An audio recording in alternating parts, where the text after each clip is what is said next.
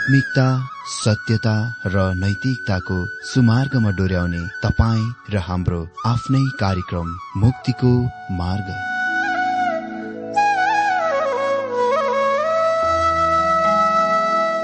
आदरणीय श्रोता यस मुक्तिको मार्ग कार्यक्रममा हार्दिक स्वागत छ।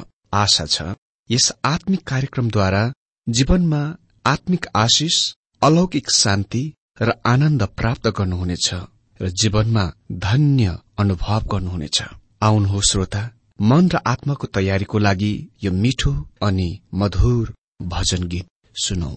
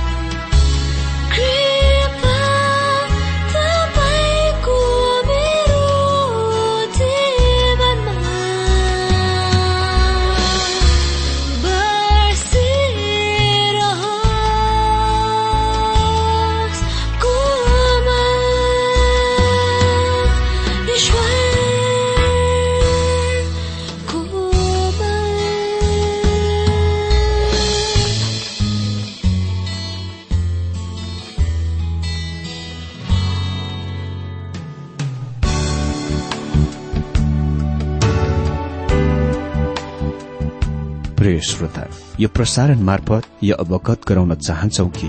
प्रभुको सेवाको लागि यहाँहरूको साझेदारी नित्यन्त आवश्यकता छ।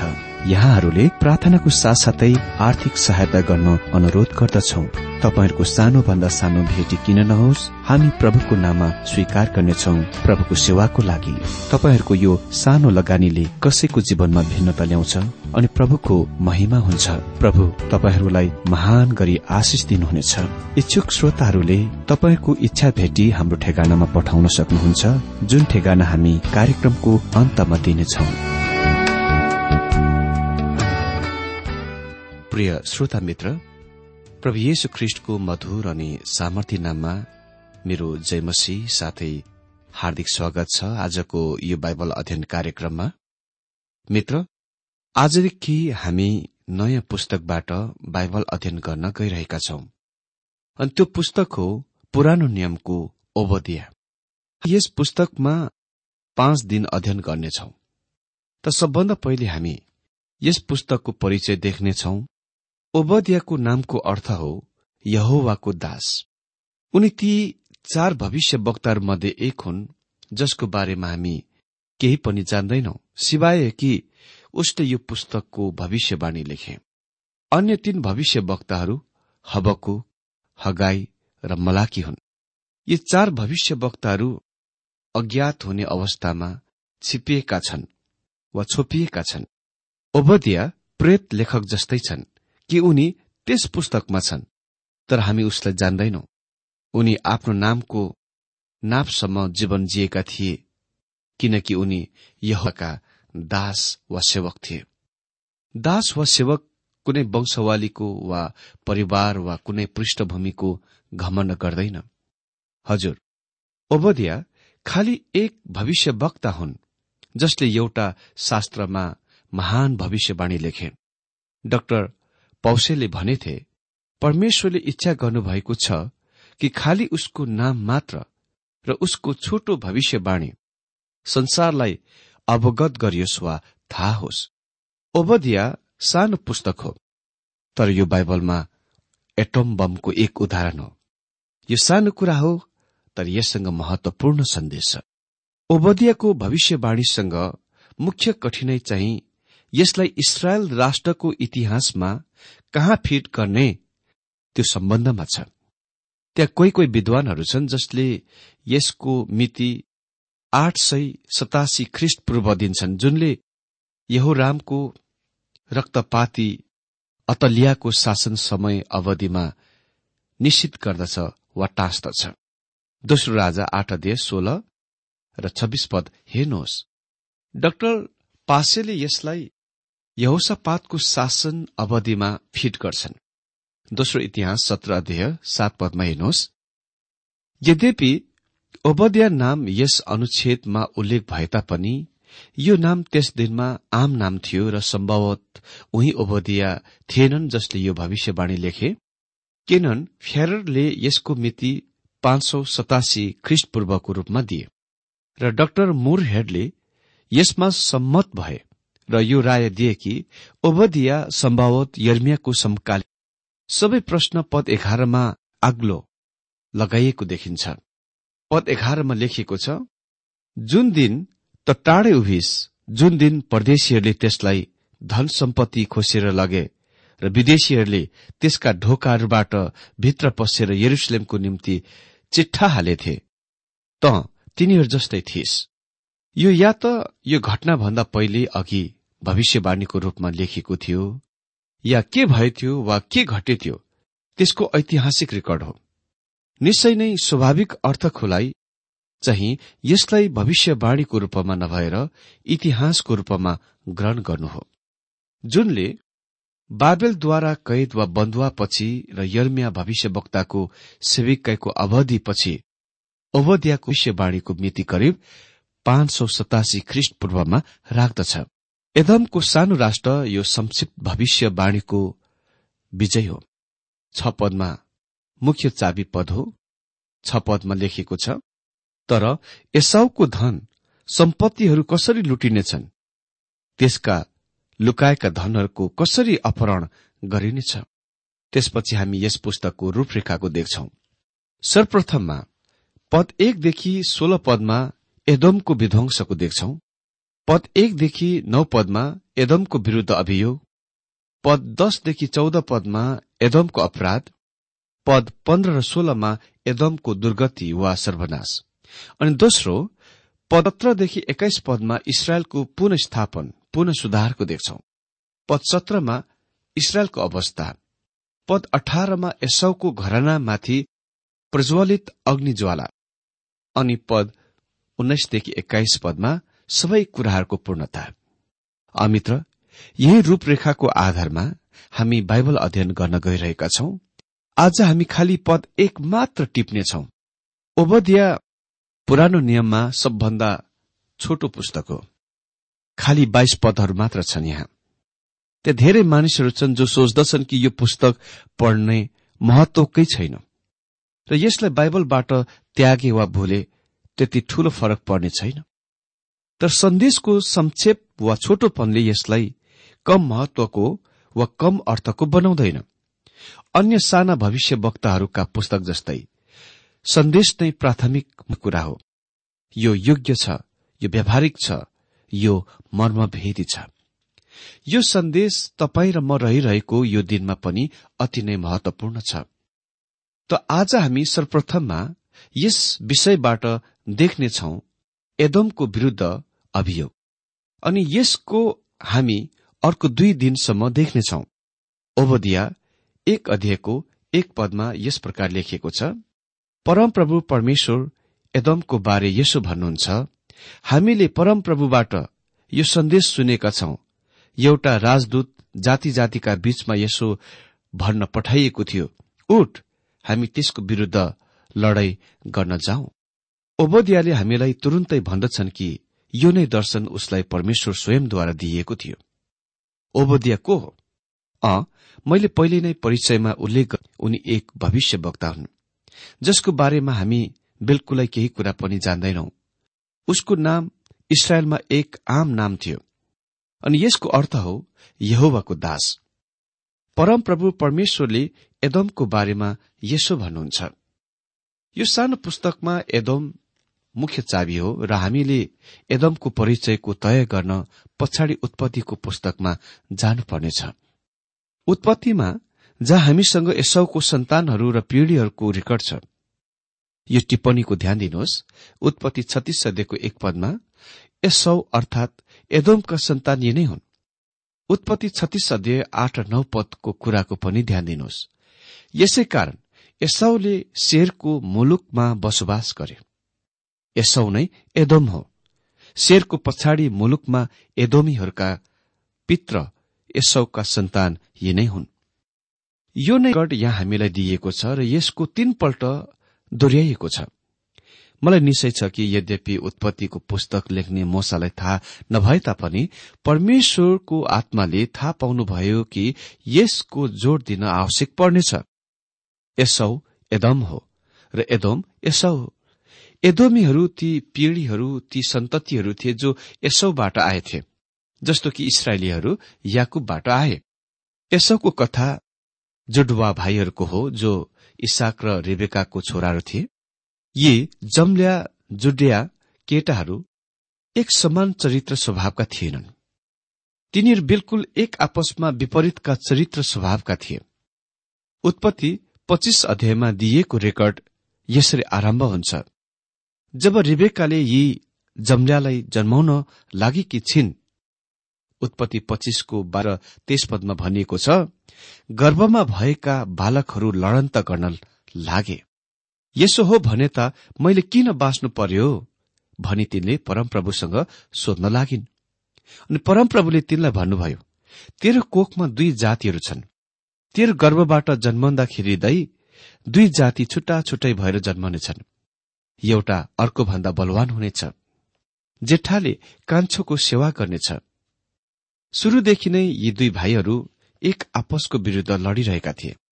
यसौ बाहिरै बाहिरै रहने मानिस थिए जो शिकार गर्न मन पराउँथे याकुब चाहिँ घरमा नै रहन्थे र खानपान पकाउन मन पराउँथे। याकुब आमाको प्रिय छोरा थिए तर पनि याकुबसँग आत्मिक ज्ञान थियो जुन यसौसँग थिएन। यसौ शरीरका मानिस थिए र उसले आत्मिक कुराको वास्ता ख्याल गरेनन्। वास्तवमा भनु नै पर्दा उसले आफ्नो जन्म अधिकारको अति नै कम दाममा बेचे। तपाईँलाई थाहा छ उसले याकुबसँग एक बटुका सुरुवामा त्यसको बेचे। उत्पत्ति पच्चिस अध्ययको तीस र चौतिस पदमा भनिएको छ यसौले याकुबलाई भने मलाई त्यो रातो सुरुवा अलिकता खान देऊ। मलाई भोकले भाउन छुटेको छ। यसै कारण तिनलाई एदोम भन्थे। याकुबले भने पहिले मलाई तपाईँको ज्येष्ठ अधिकार बेच्नुहोस्।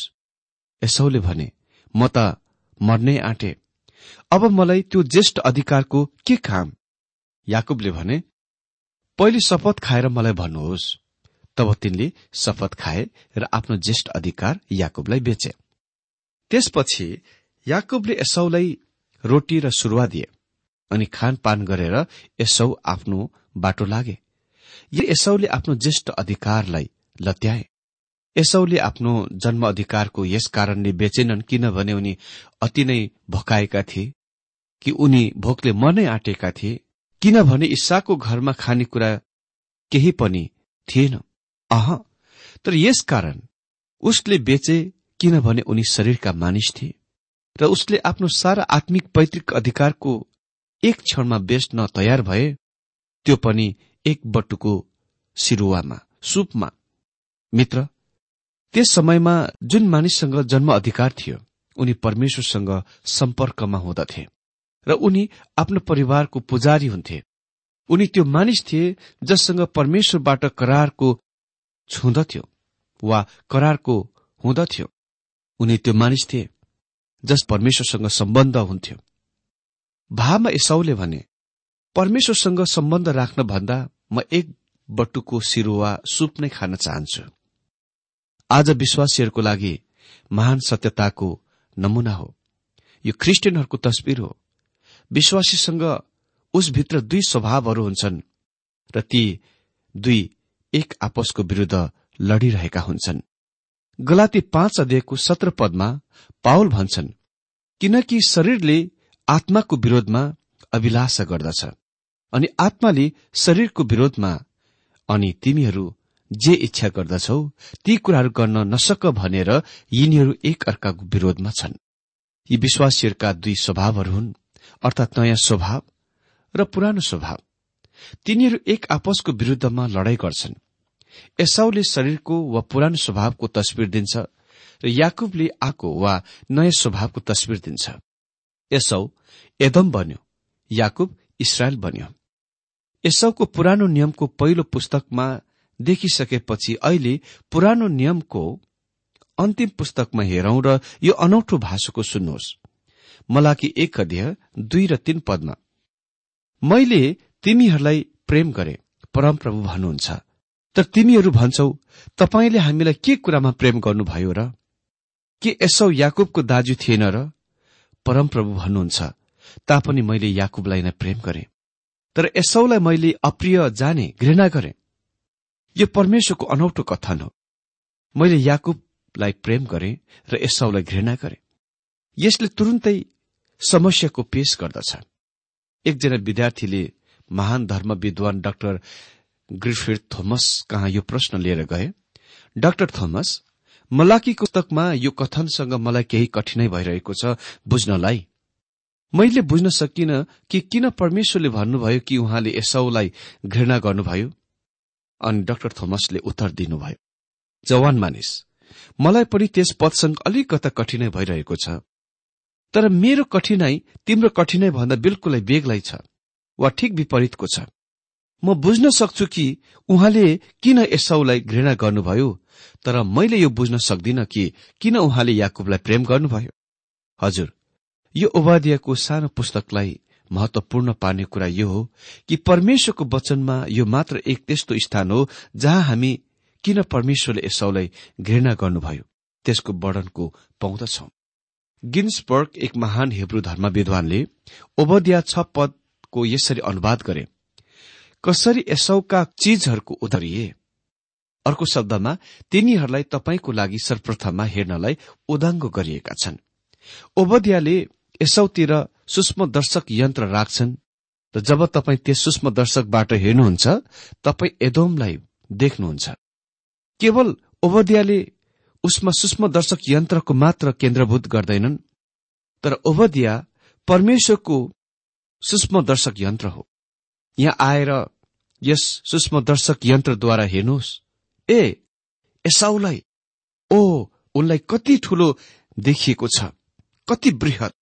एउटा एसौ अहिले दुई लाख पचास हजार साना एसौहरू भएको छ। अनि त्यो एदम हो। फोटोग्राफरले सानो तस्विर लिन्छ र त्यसलाई ठूलो वृहत तस्विर बनाउँछ।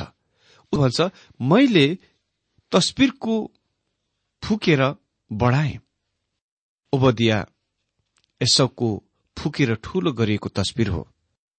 तपाईँले टायर ट्युबमा कुनै छेदको पत्ता लगाउन फुक्नुहुन्छ हावा भन्नुहुन्छ तपाईँ त्यस छेदको तबसम्म पत्ता लगाउनुहुने छैन जबसम्म तपाईँ त्यसको हावा भन्नुहुन्न बिल्कुल त्यसरी नै ओबदियाले एसौलाई हावाले फुलेको अवस्थामा पेश गर्दछन् ताकि तपाईँ उसको जीवनमा कहाँ त्रुटि छ त्यसको देख्न सक्नुहुन्छ।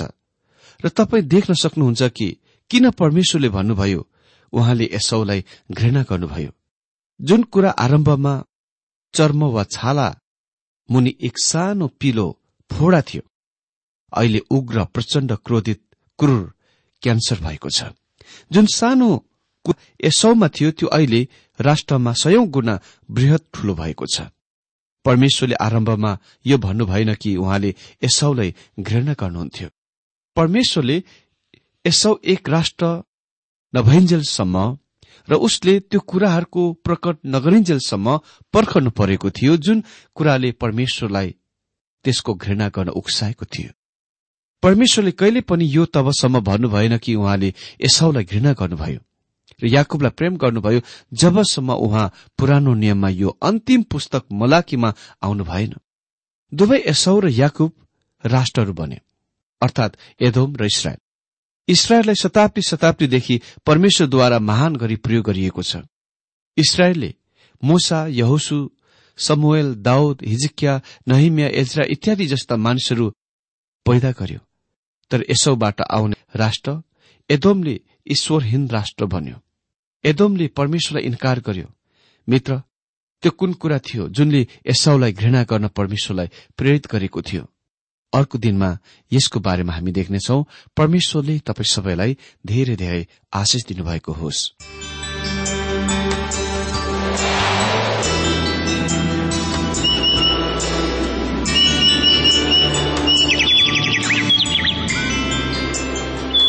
प्रिय श्रोता अहिले भर्खरै तपाईँले टीडब्ल्यूआर नेपालद्वारा सञ्चालित आत्मिक कार्यक्रम मुक्तिको मार्ग सुनिरहनु भएको थियो। श्रोता आजको यो कार्यक्रम सुनेर तपाईँलाई कस्तो लाग्यो? यदि यो कार्यक्रम सुनेर मनमा कुनै खुल्दुली वा कुनै प्रतिक्रिया अर्थात सुझावहरू छन् भने हामीलाई पत्रद्वारा लेख्न सक्नुहुनेछ।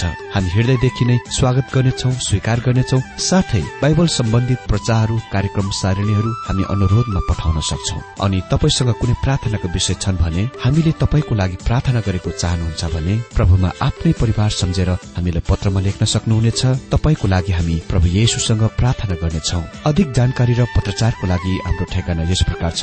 कार्यक्रम मुक्तिको मार्ग जीपीओ नम्बर उनानब्बे पचहत्तर इपिसी पच्चिस एकसठी काठमाडौँ। ठेगाना एकपल्ट सुन्नुहोला। कार्यक्रम मुक्तिको मार्ग जीपीओ नम्बर उनानब्बे पचहत्तर इपिसी पच्चिस एकसठी काठमाडौँ। हाम्रो इमेल एड्रेस हो TWR Nepal at Yahoo dot com. साथै यस नम्बरमा एसएमएस गर्न सक्नु सक्नुहुनेछ अन्ठानब्बे चार सत्तरी पैतिस छ सय उनासी नौ आठ चार सात जिरो तीन पाँच छ सात नौ। हुन्छ श्रोता आजलाई हामी विदा चाहन्छौ। अर्को कार्यक्रममा हामी पुनः भेट्नेछौ तबसम्मलाई नमस्कार।